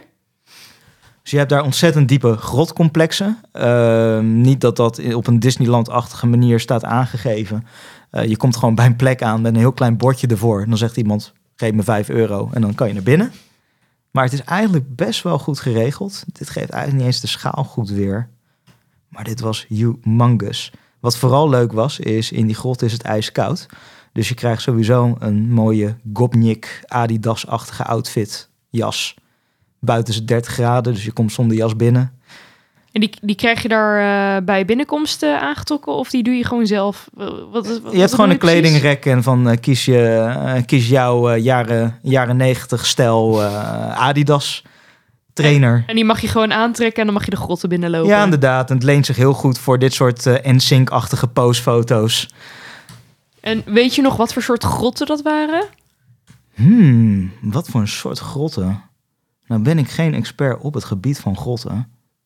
Ze waren vooral huge en er is nog iets met stalagnieten en stalactieten. Dat weet ik wel. Dan, dan, ja, dan dat soort grotten, denk ik. Ik denk dat soort Ja. grotten. Maar je kreeg niet echt een tour, toch? Je betaalde alleen, alleen voor toegang, zeg maar. Van hier. En dan eenrichtingsverkeer, bruggetje Nou, het ding is, je kan, wel een toega- je, kan, Ja. je kan wel een tour vragen. En ik heb ook wel tours gekregen daar. Alleen die zijn in het Russisch. Dus dan ja, zie je mij vooral heel awkward een lange tijd in een grot staan. Dus we hadden uiteindelijk besloten... eh, als we dingen zonder een tour gaan kunnen doen... en we kunnen er gewoon doorheen wandelen, dan, dan doen we dat. Ja, Check. Ehm, ik wil eigenlijk naar... ah, dit is ook wel bizar. Je hebt overal daar trolleybussen eh, over snelwegen. Dus op alle snelwegen heb je een soort van elektriciteitsnet. Dus ondanks dat ze eh, niet dus zo een heel... beetje trambaanachtige taferelen Ja, een soort van, qua, qua, qua lijnen. zo, ja, een soort van bussen van de toekomst. Hartstikke duurzaam op elektriciteit. En dat zijn dan gewoon, eh, dat is gewoon openbaar vervoer. Ja. Oké, interessant. Ben je daar zelf ook in geweest? Ehm, ik heb vooral in de kleinere busjes gezeten, wat ook wel bijzonder was, want dat zijn, die zijn helemaal niet bedoeld voor, ehm, ja, het zijn niet bussen zoals jij ze gewend bent. Het zijn eigenlijk een soort van kleine sprinterbusjes eh, met op de, eh, bij de laadklep heb je gewoon een tapijtje, dus iedereen zit in kleermakers zit zo achterin. En dan iets naar vo- ja, helemaal voorin zit, eh, zit de bestuurder. Maar goed, je komt niet langs die bestuurder. Dus wat je dan doet, is je pakt een paar roebels en die gooi je dan naar voren. En blijkbaar kan die gast aan het geluid horen of je genoeg geld geeft of niet. en eh, ja, dan gaat hij gewoon rijden. En dan rij je dus in een busje. Eh, ik weet nog wel dat je zit dan helemaal op elkaar op een kleedje. En wat me altijd verbaasde was dat er een klein tv'tje in die bus zit. En die laten allemaal video's zien, reclames van hele dure hotels in de omgeving. Dat je denkt van, niemand die hier in deze bus zit kan zo'n hotelkamer betalen. Ja. So why bother? Maar goed, dat is, eh, dat, dat is Rusland voor je. Vooral, voor mij is Rusland vooral kijken naar dingen en denken van, why? Why? Eh, maar dit soort, eh, dit soort uitzichten is, ja, is, is de Krim. Het is echt ongelooflijk prak- prachtig. Dat, het zie- ziet er ook wel als... het zijn hoge bergen, zo ziet het er in ieder geval uit. Dat, Ja. dat, dat, dat gebergte gebied wat je nu laat zien. Het is gigantisch. Dus jullie hebben eigenlijk gewoon op een gegeven moment de auto gepakt, zijn een beetje rond gaan rijden overal en overal nergens gaan slapen in hotels of in, Inderdaad. in huisjes of hoe moet ik dat, hoe, hoe regel je dat? Nou ja, Booking.com heb je daar niet of niet echt. Hè? Dus eh, ja, je rijdt gewoon de hele dag en tegen de avond probeer je gewoon een slaapplekje te fixen. Mhm. En vaak of in een klein hostel of een, of een hotelletje. Heel vaak heb je daar dus eetentjes die ook een kamer toevallig hebben. Dus het is gewoon een kwestie van een dorpje binnenstappen en rondvragen. En is het eh, die overnachtingen, waren, was dat oké? Of heb je nog gekke dingen meegemaakt eh, tijdens het, eh, in zo'n slaapkamer? Ziet het er raar uit? Waar, waar, waar moet ik aan denken? Oh, gelukkig niet. Gelukkig waren het allemaal redelijk normale kamers. Ehm, het, het waren geen, laat ik het zo zeggen, het waren geen, geen Aziatische taferelen. Hmm. Ik, heb, ik heb in China wel eens op plekken geslapen dat je echt denkt van... Oeh, ik durf hier niet mijn ogen dicht te doen. Dit, dit was eigenlijk best goed geregeld. En dat, dat verbaast me altijd. Dat buiten het feit dat je, je, je reist rond en je ziet dat het niet de rijkste streek is. Sterker nog, het is een van de armste. Ehm, daarom ging die annexatie daar ook makkelijk. Heel veel mensen daar zijn pro-Russisch. Het is altijd het afvoerputje geweest van Oekraïne. Oekraïne is al een vrij arm en corrupt land. Nou, Kiev is daar de hoofdstad. En eigenlijk hoe verder je van die hoofdstad afzit, hoe minder interesse er in je is. Dus eh, die mensen zijn echt in ontzettende armoede. Maar gek genoeg is alles daar, ondanks dat, vrij goed geregeld. Als je daar op een kamer blijft slapen, is het gewoon netjes ingericht. Mensen geven ook veel om een interieur. Dus dat zie je ook bijvoorbeeld bij die flats. En je stapt binnen bij een familie. Dan ga je echt in een soort van tijdsportaal. Maar alles is keurig netjes. Alle beeldjes staan waar ze moeten zijn. Mensen geven ontzettend, dragen heel veel zorg aan hoe ze wonen. Want dat is eigenlijk een van de. Ik denk dat dat ook een Sovjet-ding is. Het is een van de weinige dingen die echt van jou zijn. Je hebt een tijdje, eh, je hebt een hele lange tijd Stalin meegemaakt. Nou, dan na de, na de hele koude tijd met Khrushchev, Gorbachev en op een gegeven moment komt Yeltsin. Nou, dat was dan eigenlijk de tijd dat het Westen een soort van gewonnen had. Dus dat was semi-democratisch. En toen kwam Poetin meteen. Dus die mensen die hebben gewoon een eeuw lang... die zijn gewoon eigenlijk gewend dat je buiten de deur... altijd wel een soort van in de gaten wordt gehouden. Mhm. Je hebt wel een soort van democratie. Je kan wel soms... eh, je kan als doorsnee burger zeggen van... eh, Poetin is, eh, is geen goede president. Dat is prima. Maar je moet niet vervolgens de politiek instappen en wat gaan doen. Want dan is er een plek waar je gestopt wordt. Dus voor Russen is dat stukje huis... is eigenlijk de enige plek waar je echt jezelf kunt zijn. Hè? Dat noemen ze democratie tot aan de voordeur. Ja.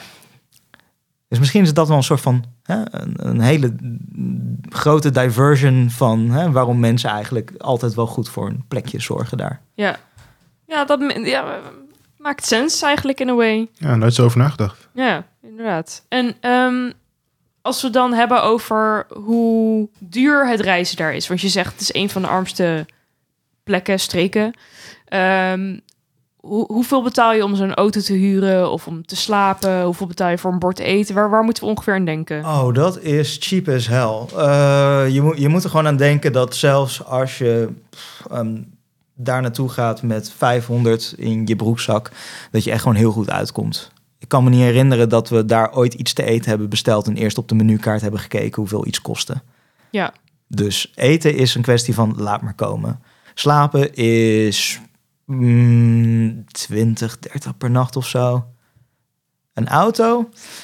Eh, ik weet niet precies hoeveel die auto kostte. Ik weet wel dat het een beetje conform gewoon normale prijzen was. Maar ik kan me ook zomaar voorstellen dat, eh, dat ze die vriend van mijn zus binnen zagen ko- komen lopen en dacht van... eh 50 voor jou. Ja, Ik kan me zomaar voorstellen dat als iemand anders dat had gehuurd, dat het heel anders eruit had gezien. ja precies. Uh, maar over het algemeen, ja, leven daar is voor jou cheap.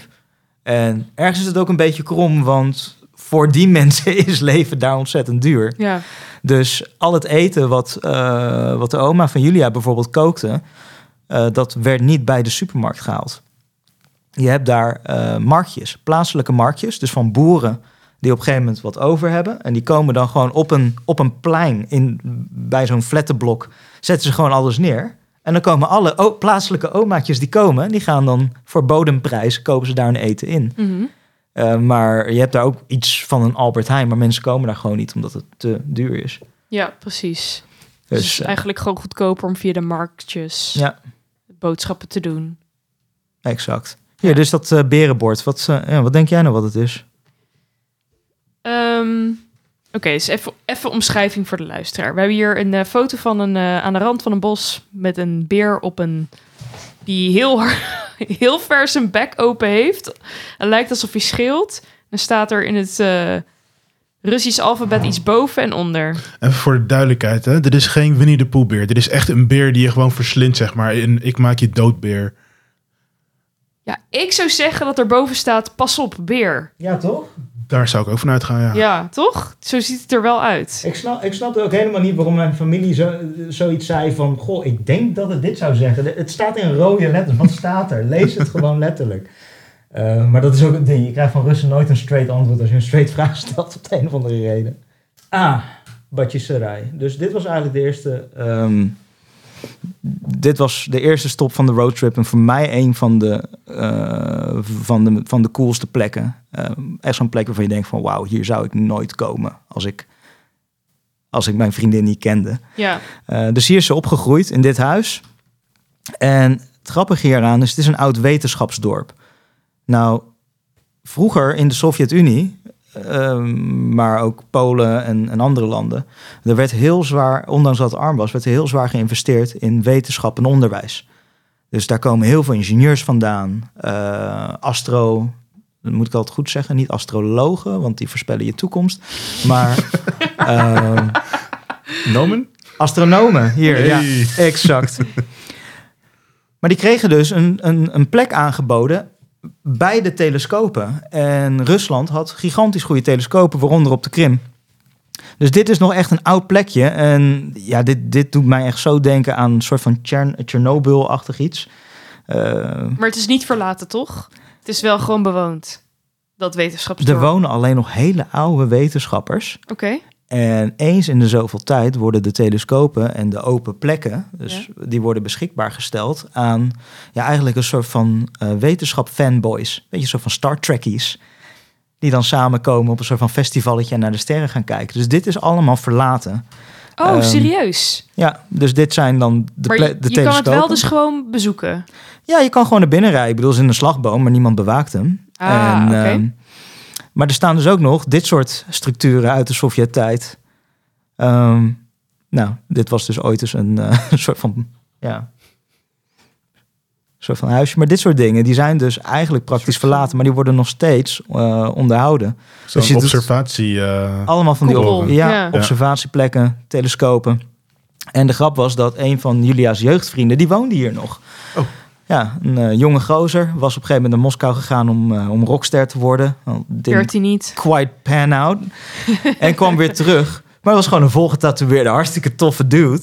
En eh, die, die onderhield deze telescoop en deze observatoriums. Dus die zei, gast, ik heb de sleutels. Wil je even naar binnen? Oké. Ehm, Eh, we zien nu een soort van hele grote koepelhuis voor ons. Ja, dit is meer een soort van. Fresh Prince of Bel-Air-achtig iets, hè? Ja, En dit was de telescoop. En als je daar binnen bent, dan waan je dus echt weer gewoon terug in Sovjet-tijd. Dit Ja. is echt een mega ding. maar dan mag je ook even bij de knopjes kijken. En als je Old kijkt naar ehm, heel deze reis. Wat was het meest bijzondere wat je hebt gezien tijdens deze reis? Nou, dit was er dus onderdeel van. Want op een gegeven moment waren we dus... eh, we waren hier op bezoek. Op een gegeven moment was dat afgelopen... en we zouden naar Badjesserij zelf gaan. Dat is Mhm. de, het stadje wat er, wat er aan grenst. En eh, we komen daar aan. En het is tijd van de Ramadan. Dus tot die tijd ben je alleen maar in een soort van Russisch Rusland geweest. En we parkeren de auto. En het is al best wel donker, dus ik zie niet veel. Maar het enige wat ik hoor is een avondgebed. En in één keer heb je zoiets van... Serieus, hoe lang zijn we gewoon blijven rijden hier, weet je? Het lijkt wel alsof je, alsof je ergens in... Je zou zeggen Kazachstan bent. Je zou nooit verwachten dat je iets islamitisch ziet in, in Rusland. Mhm. En in Batjeserij heb je dus echt een subcultuur aan Russische Tataren. En dan stap je ineens een hele andere wereld in. En dat is het grappige aan, aan, aan de Krim. Is dat je dus een moslimpopulatie hebt daar. Maar ook een hele oude geschiedenis met, eh, met oude, bijna Arabische of Mongoolse paleizen. Mhm. Dus dat was het meest bijzondere aan, aan, aan deze trip. Ehm, Dus in één keer kom je in een soort van Rusland met minaretten. En eh, Maar het contrast, zeg maar, maakte dus eigenlijk het bijzondere. het, het was heel bijzonder. En op een gegeven moment, dit was eigenlijk de eerste avond. Toen kwamen we bij een, eh, we hadden een slaapplek gefixt. En eh, we kwamen bij een restaurant aan om even wat te eten. En toen kwamen we dus achter van die Krimse Tartaren zijn wel een eigen bevolking. Maar voor Russen worden die als een soort van Disneyland gezien. Dus Russen gaan ook naar Batjisserij om daar eh, een beetje wat Tataars te eten. Wat een soort van Arabische keuken. Dus de keuken is in één keer heel anders en heel veel beter. Het lijkt een beetje op een combinatie van, van Turkse en Midden-Oosterse invloeden. En eh, er is ook gewoon entertainment. Dus hetgene wat me echt bijstond is... we zaten daar dus in dat restaurant... op een soort van duizend en nachten matras... met een waterpijp, sashliks te eten. En eh, dan de entertainment werd verzorgd door een vrouw... met een elektrische viool. Echt zoiets wat je uit, weet ik veel... eh eh, Ukraine's Got Talent zou, zou verwachten. En het, dat ging ook echt van... Dat ging gewoon de hele avond door. Dus de ene keer speelde ze een riedeltje op de viool... en daarna zong ze een opera... en daarna vertelde ze nog tussen neus en lippen... dat er iemand dubbel geparkeerd stond voor. en, ehm, en ik zat er echt zo naar te kijken van... Zo, doen, zo denken deze mensen dat, dat westers entertainment werkt. Dat is zo bizar om mee te maken. Het, eh, het, lijkt een beetje alsof je kijkt naar een... alsof een buitenaards wezen jou probeert te entertainen volgens jouw standaard.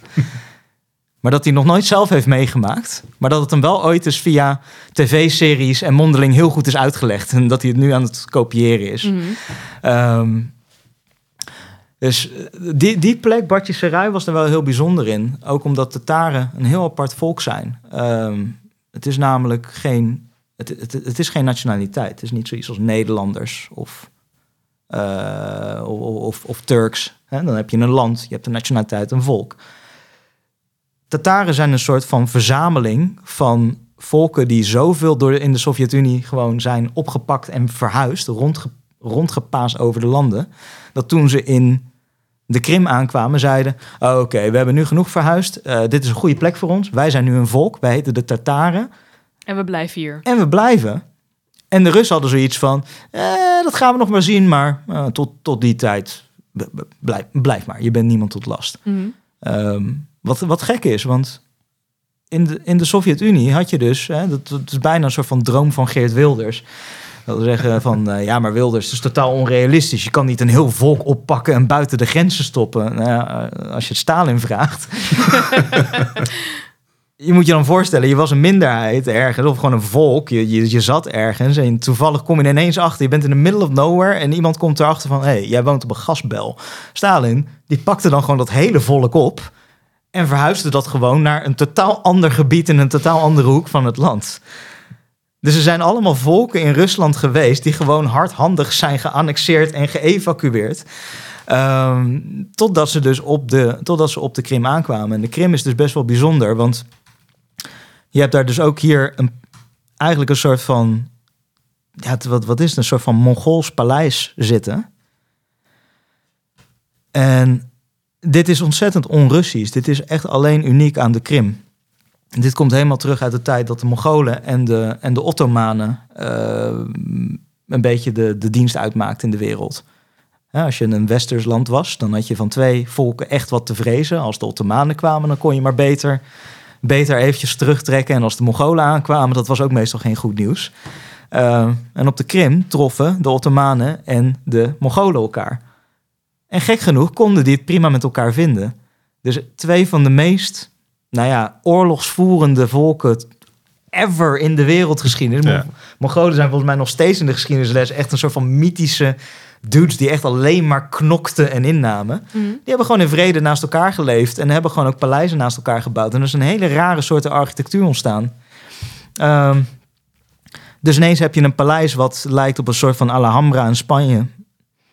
Met, eh, met een sultan die daar zat en, een, eh, en daar ook gewoon zijn harem had.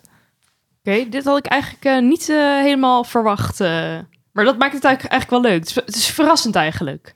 Wat er allemaal te vinden is. Het is een ontzettende cluster van dingen. Dus ehm, oude ruïnes tot aan hele toeristische stranden. En daartussen, om het allemaal nog een beetje wat meer surreal te maken, heb je ook de constante Poetin-propaganda.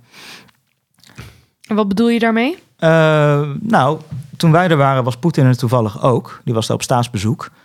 Maar uh, je komt daar dus, als je daar over de snelweg rijdt, kom je elke 500 meter kom je een billboard van Poetin tegen. Want Poetin belooft wat aan de mensen. Hoi, we hebben je geannexeerd. En we gaan nu de wegen verbeteren. En toerisme gaan we, de toerisme uh, sector gaan we een boost geven. Um, en tegelijkertijd is het ook voor Russen en voor Poetin een hele belangrijke strategische plek. De reden waarom het niet chill was dat Rusland het annexeerde, was niet alleen maar historisch. Het is niet alleen maar een belangrijke plek voor Rusland, maar het is ook een plek met een hele goede strategische ligging. Daar ligt een van de grootste marinebasen. Dus wat het eigenlijk betekent is, als je de Krim hebt, dan heb je een heel mooi plekje om uh, je raketten en je onderzeeërs te parkeren op de rest van Europa. En het gekke is, je zou denken dat is een soort van super secret base. Maar je hebt dus gewoon een leuk vissersdorpje.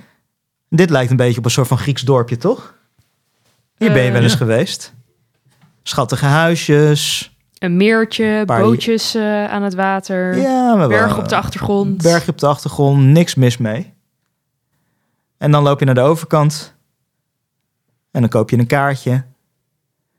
En dan laat Rusland je even zien wat ze aan de overkant hebben. Of sterker nog, onder de grond. Mag je even de nucleaire bunker in. En dit is dus nog steeds actief. En kan nog steeds strategisch worden ingezet. Maar je krijgt gewoon een leuke tour. Ja, hier hebben we de raketten. Dit is eh, hoe het werkt. Hè. Kijk, En, is- waar was dit? Waar heb je deze tour gedaan eh, in deze, in deze bunker? Oeh, dat is een goeie. Ehm, En je mocht vooral niet aan Oh, de andere knopjes kant. drukken, of wel? Ja, het is grappig dat je het zegt. Want ze hebben dus echt à la het, eh à la het museum, weet je. Het, is Ja. het gemeentemuseum hebben ze dus ook dingen voor kinderen. Dus je kan, je kan in de raket kruipen. Je kan de knopjes drukken en er, er, er komt een geluidje uit. Dus eh, het is het Maritiem Museum. Yes, Sevastopol. Oké, dus het Maritiem Museum in Sevastopol. Daar heb jij een, naar, naar, ben je naar beneden gegaan en heb je de binnenkant van de, de, de bunker gezien. Ja, dus... Met raketten en al. En, De raketten en de onderzeeërs en bijvoorbeeld leuke pakken wanneer eh nuclear holocaust uitbreekt. met gasmaskers. Met, tuurlijk, tuurlijk. Je hebt altijd een gasmasker nodig. Ehm, met een leuk natuurlijk, een, een spanningseffect. Je loopt door de gang. Oh jee, we worden aangevallen. Rood licht. Wat ook, wel, eh, wat ook wel heel leuk is, het is bijna een soort van Noord-Koreaans-achtige storytelling. Hè? Dus het Ja. is allemaal van... eh, Hè, dit, dit was de goede oude tijd dat een Amerikaanse onderzeeër onderschepte. Want die, eh, want, want die klootzakken die zaten zonder zich aan de regels te houden in onze wateren. Maar onze formidabele maritieme basis die heeft het onderschept. Dus ook met veel trots wo- worden de Amerikanen flink gebashed. Het is één grote propagandamachine. Maar deze bunker, eh, inclusief eh, inhoud, is dus eigenlijk nog actief. Het is, het is wel een museum, maar eigenlijk wat erin zit kan nog gebruikt worden. Of Het is een worden. letterlijke bunker en eigenlijk een van de redenen waarom de Krim geannexeerd werd. Ja. Want het is nog steeds, als je zo'n bunker eenmaal hebt, of je er nou van dit soort leuke siliconen poppen in doet, of dat je zelf door, de, door, door, de, door het tunneltje kan klimmen, je kan dit zo weer gebruik nemen. En je hebt gewoon een hele strategische positie over, eh, nou, vooral alle, alle Oost-Europese landen. Dus dat, dit is een van de redenen waarom je altijd in het nieuws hoort dat eh, Oekraïne of eh, Macedonië en dat soort landen zich zorgen maken over Rusland. Dit plekje hier. En als we kijken naar ehm, deze gehele reis. Hier heb je wat street En- art voor je. ehm, de luisteraar die luistert nu naar het verhaal en die denkt: Goh, interessant. Zou je het aanraden om bijvoorbeeld iemand zoals ik? Hè, ik vind het een heel interessant verhaal, fantastisch. Zou je het aan mij aanraden om daar op vakantie te gaan? Oeh, ja, het hangt er vanaf wat je zoekt in vakantie. Eh, ik ken mensen die, die dit soort dingen expres opzoeken. Ja. Ik denk als je echt een... Als je dit in je eentje zou doen zonder dat je een local kent... dan moet je echt een hele doorgewinterde backpacker zijn. Dus Niet bang zijn dat je af en toe flinke miscommunicatie krijgt. Dat je mensen verkeerd leest en dat je eh, misschien een paar keer de verkeerde, de, de verkeerde weg pakt. Buiten dat is het niet zo eng als dat het lijkt. Het is een toeristische plek. Jalta is hartstikke toeristisch. Russen komen daar voor een lol. Oekraïners komen daar gek genoeg ook nog steeds voor een lol. Ondanks dat dat van Oekraïne niet meer mag. Mhm. Het blijkt dus dat tegenwoordig ehm, komen er nog steeds toeristen die worden dan bij de grens of de grenspatrouille tussen het Oekraïense en het Russische grondgebied worden ze afgezet. Dan moeten ze een kilometer of twee moeten ze vooruit lopen en dan staat daar een busje en die pakt ze op en dan begint de vakantie. dus ondanks het feit dat het geannexeerd is, gaat alles verder.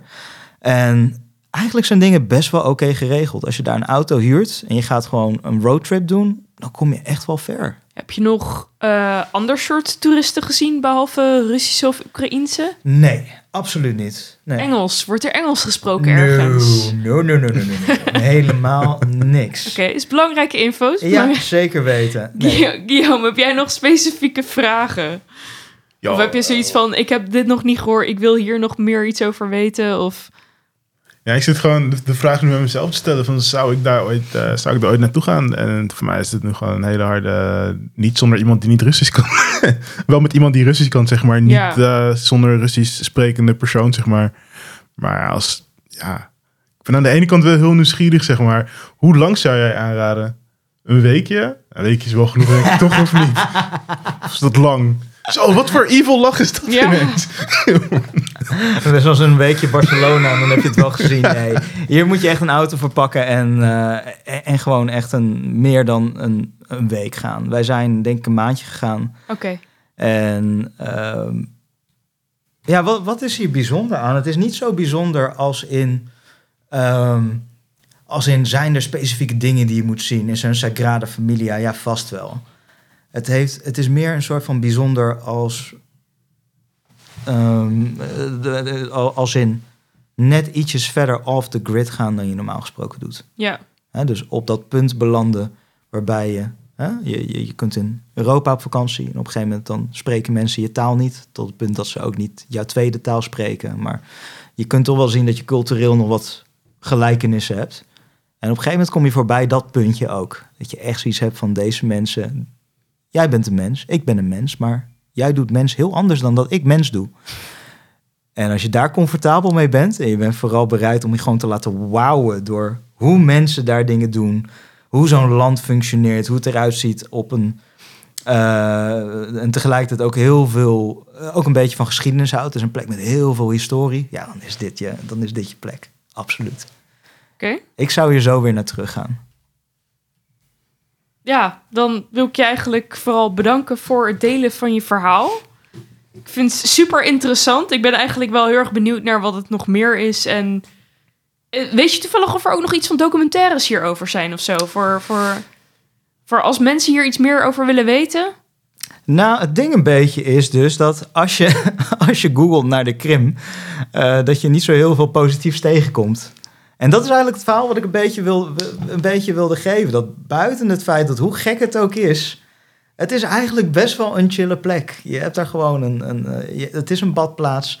Eh, je hebt daar je musea's. ehm, alleen, ja, al- ietsjes meer tanks dan je gewend bent. en, iets meer, en iets meer Sovjet-achtige beelden. En als je daar gewoon de humor van inziet en je bent gewoon bereid je daar te laten meenemen, is het gewoon echt een leuke plek. En het is vooral geen plek zoals wat je verwacht van eh, Oekraïne met de separatisten-kwestie. Dat je denkt van, oh shit, daar worden nog elke dag gewoon mensen vermoord of zo. Ja, Nee, het is gewoon een hele chille plek. En als je voorbij het eh, rode reisadvies kunt kijken, dan raad ik het je zeker aan. oké. Eh, dan denk ik eh, dat we hem gaan afsluiten voor nu. Yes. Eh, bedankt eh, dat je je verhaal wilde delen. Ah, fuck, wijn vergeten. Ah, jammer. Ja, voor een, eh, een volgende Rusland eh, aflevering. Ehm, stel, eh, mensen hebben nog eh, vragen hierover. Mogen ze jou eh, dan eh, op eh, de Instagram of op social media eh, een vraag stellen? Ja hoor, zeker. Slide in de DM's. Oké, en waar kunnen ze je vinden? Zij kunnen mij vinden op, jeetje, wat zou ik zeggen? Hoe doe je dat? Eh, Facebook of Instagram? Instagram, je Instagram profiel? Dat is goed. Oké, maar wat is je, wat is je Instagram profiel eh? Ik weet het niet uit mijn Ik hoofd. weet, ik weet ook niet wat mijn Instagram pro- profiel is. Meestal geef, geef je altijd een beetje zo'n zo'n hippe naam aan, toch? Het, Is dat niet gewoon Marlon Au- August? of zo? waarschijnlijk. Go- Google Marlon Augustijn en, en je komt al heel ver. Oké. Eh, bedankt voor het luisteren. Bedankt voor het komen en voor het vertellen. Dat is heel interessant. Pleasure. Eh, volg, like, subscribe eh, op de Instagram. Hou van ons. Hou van ons. Hou van jezelf. Nee. Hey man, dit was echt een van de, ja, een van de apartste reisstories tot nu toe, denk ik. Dus Ja. eh, nogmaals bedankt. En eh, ja, we zien je graag terug. Pleasure. Ja. Dan eh, voor nu tot de volgende keer. Joe. Jongens, volgens mij heb ik echt veel te veel gelul.